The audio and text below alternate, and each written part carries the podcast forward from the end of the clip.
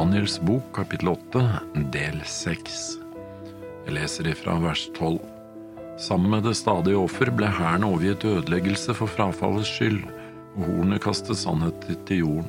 Det hadde framgang med alt det foretok seg. Her er vi over i feminin form igjen, og det skulle da beskrive Romerkirken. Leser du verset fra King James Version, så står det litt annerledes. And an host was given against the daily by reason of transgression. Det kan også oversettes med in transgression. Hæren er nok frankerkongen Klodvig sin hær, som vi så i kapittel syv. Det hjalp kirken til å få makten i Roma. Kirken hyller jo Klodvig og kaller hans dåp for den egentlige fødsel for den kristne middelalderen. Hornet kastet sannheten til jorden, så hva er sannheten? Jesus sa Jeg er sannheten. Du finner det i Johannes kapittel 14 og vers 6, og i Salmenes bok kapittel 119 og vers 151 så står det Du er nær, Herre, og alle dine bud er sannhet. Så Guds lov er også sannhet. Og i vers 160 Summen av ditt ord er sannhet, og til evig tid står din rettferdslov fast. Jesus er sannheten. Han er også Ordet, og han levde de ti bud ut i livet sitt i praksis. Når Kirken blander hedenskap med kristen tro, og hevder at den har autoritet til å endre på det som står i Ordet, for eksempel hviledagen, så setter den tradisjonen over sannheten. Jeg oppfatter det som at de kaster sannheten til jorden. Guds ord åpenbarer hva som er sant. Vi må ha kjærlighet til sannheten, til Jesus, til Guds ord, til det Gud har sagt, og til loven. Dersom vi ikke har kjærlighet til sannheten, kommer Paulus med en kraftig advarsel til oss i andre Tessalonikerbrev kapittel to, og du kan godt høre i det Paulus sier at han kjenner godt til innholdet i Daniels bok. Han snakker om syndens menneske, han som står imot og som opphøyer seg over Gud og helligdom, og setter seg i Guds tempel og gir seg selv ut for å være Gud. Den lovløse kommer etter Satans virksomhet med all løgnens makt og tegn og under, sier han i vers 9. Det skjer med all urettferdighetens forfølelse blant dem som går fortapt, fordi de ikke tok imot kjærlighet til sannheten så de kunne bli frelst. Derfor sender Gud dem kraftig villfarelse så de tror løgnen. Martin eh, Luther hadde ingen tanke om å bryte med kirken. Han ønsket å reformere kirken men han ble lyst i bann av kirken. Grunnen til at det heter protestantiske kirkesamfunn, er jo at de protesterte på kirkens lære, og for Luther så handlet det om ikke bare kirkens autoritet, men også om rettferdiggjørelse ved tro. Han strevde for å nå opp til idealet i sitt eget liv. Han var nøye med alt kirken hadde pålagt ham men da han vinteren 1510–1511 var i Roma på besøk, så åpenbarte Gud seg for han mens han drev med sine botsøvelser. Han eh, krabba opp Sankta Skala, trappa som kirken hevder er den samme trappa Jesus gikk opp da han måtte stå til rette for Pontius Pilatus, og som visstnok på mirakuløst vis skulle ha blitt flyttet til Roma fra Jerusalem. Luther, eh, han ba sine Fader vår, han var opptatt av å få sin rettferdighet og få fred med Gud. Men midt i trappa ga vår Herre han en tekst ifra romerbrevet. Den rettferdige, ved tro skal han leve. Luther så etter hvert hvordan sannhetene i Guds ord var blitt holdt nede av kirken. Tradisjonen var blitt viktigere enn det som sto i Bibelen. Folk var uvitende om Bibelens lære. Kirken mente at det var den som skulle tolke Skriften, at den forvaltet sakramentene, og at folk skulle underkaste seg kirkens lære og autoritet. Det startet en prosess i Luther, hvor han begynte å gå i rette med det kirken lærte, ut ifra det som sto i Bibelen. Det er derfor eh, uttrykket sola scriptura, altså Skriften alene, for alltid være knyttet til reformasjonen. Noe av det viktigste Luther gjorde, var å gi oss tilbake Bibelen. Han oversatte den til tysk, slik at vanlige folk kunne lese og studere den. Men hvor står de protestantiske kirkene i dag? Jeg leste en artikkel på katolsk.no. Den heter eh, Skriften, tradisjonen og kirkens tro. Den er klar på at den romersk-katolske kirke mener at skrift og tradisjon utgjør en udelelig enhet. Den er like klar på at protestanter ikke lenger står der de sto tidligere. Her er et sitat fra artikkelen. Skriftens klare ord er ikke uten videre så klart.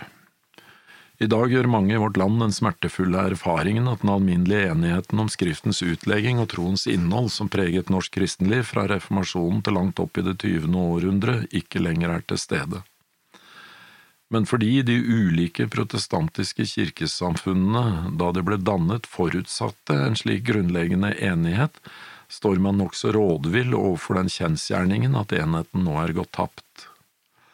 Det synes ikke å finnes noe som med autoritet kan utgjøre og definere den protestantiske tradisjonen. Verken den lutherske kirkens overhode, kongen eller Stortinget, verken bispemøtet eller kirkerådet, og heller ikke det teologiske lærenevnet, har strengt tatt noen myndighet. Det blir den enkelte lutherske biskop som enten kommer til at han for sitt stifts vedkommende ikke ser at Skriftens ord forbyr ordinasjon av kvinnelige prester, eller til at hun for sitt stifts vedkommende ikke ser at Skriftens ord forbyr ordinasjon av homofilt praktiserende.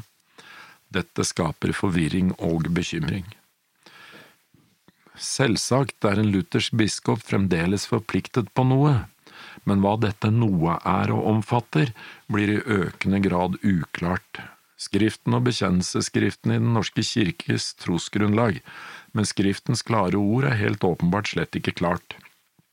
Hvem kan gi en bindende tolkning av dette ordet, og hvem har myndighet til å gi en autentisk og autorativ tolkning av bekjennelsesskriftene faktiske føringer også for praksis? Det er klart at det virkelig finnes et sannhetens hierarki, men i det hele tatt å skjelne mellom ordnings- og troslærespørsmål blir stadig vanskeligere, nettopp fordi åpenbaringen alltid har en kirkelig dimensjon. Skriftens klare ord er altså ikke klart. Det er det ikke, og har det aldri vært, og det vil det aldri bli. Tror du det de sier der? Hvor klart er egentlig Skriftens ord? Så må vi jo kunne stille oss selv et spørsmål, da, hvor er det blitt av reformasjonen sola scriptura? De har jo rett i at protestantene ikke lenger står for sola scriptura, men de har ikke rett i at Skriften ikke er klar. Jeg tenker ofte på det John Knox, Skottlands reformator, sa. Tro på Gud, Han som taler klart og tydelig i sitt ord. Utover det Skriften lærer, bør man tro verken det ene eller det andre. Guds ord er tydelig i seg selv, og hvis noe virker dunkelt, vil Den hellige ånd, som aldri er i strid med seg selv, forklare det på en tydeligere måte andre steder, så ikke noen behøver å tvile uten at de absolutt vil være uvitende. Jesus selv sier jo noe av det samme. Han sier at Skriften kan ikke gjøres ugyldig i Johannes 10,35, og han henviser en rekke ganger til Skriften med å si det står skrevet, osv. Jeg tror at det som gjør Bibelen uklar, det er vel når vi skal prøve å tvinge den til å passe inn i tradisjonene og vår verdens måte å tenke på. De vanskelige tekstene vi må vel kanskje erkjenne at de er vanskelige fordi vi ikke liker det som står der. I dag er det tusenvis av bibler tilgjengelig på vårt eget språk, men det som er problemet, er at folk leser den ikke lenger, den ligger som oftest uåpnet et eller annet sted. Derfor kommer mennesker igjen lenger og lenger bort fra det Skriften lærer. De vet det rett og slett ikke, mens tradisjonen blir viktigere og viktigere har vi tolket oss bort fra det Skriften lærer, og er vi virkelig kommet dit hvor vi overlater til presten og kirken å tolke den for oss?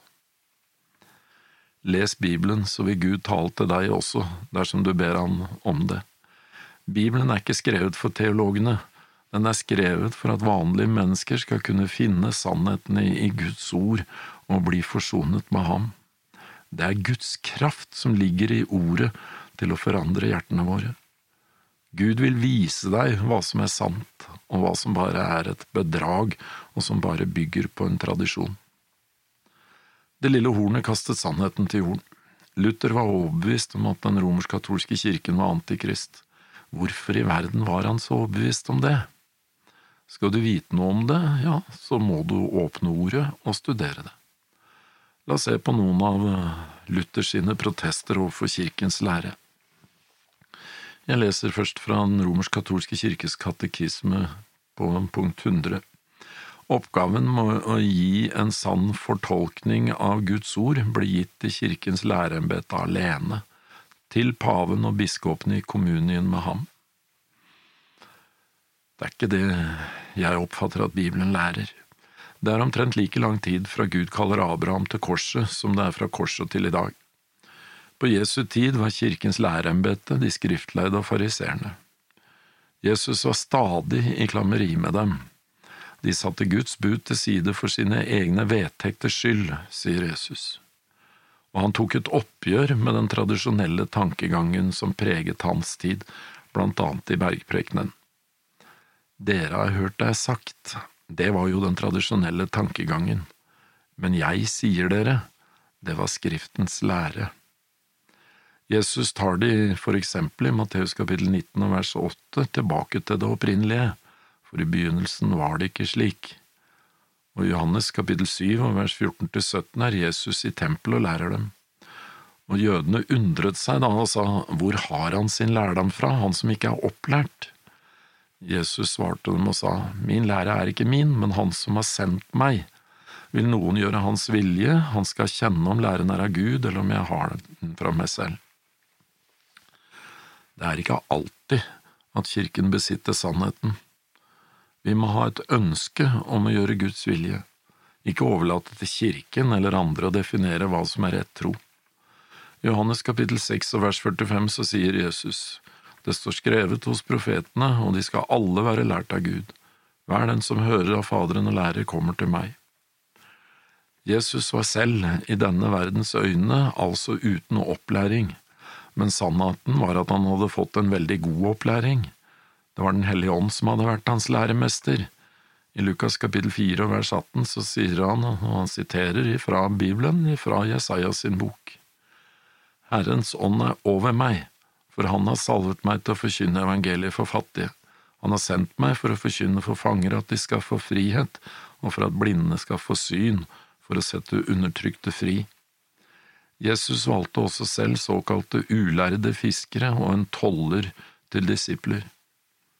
Det er ikke kirken alene som har oppgaven med å gi en sann fortolkning av Guds ord, da setter man seg selv i så fall over Den hellige ånd. Prestene er selvfølgelig kalt til å formidle Guds ord, for det er i ordet at Gud åpenbarer seg. Men det er ikke kirken, men Den hellige ånd som skal overbevise oss om synd om rettferdighet og dom, og som skal lede oss til hele sannheten. Men når kirken, eller prestene, ikke formidler sannheten i Guds ord, men tradisjonene, da er det viktig at vi leser ordet selv og gjør som dem i Berøa vi må sjekke etter om det stemmer med Guds ord, det som blir forkynt oss, slik at vi ikke blir lurt.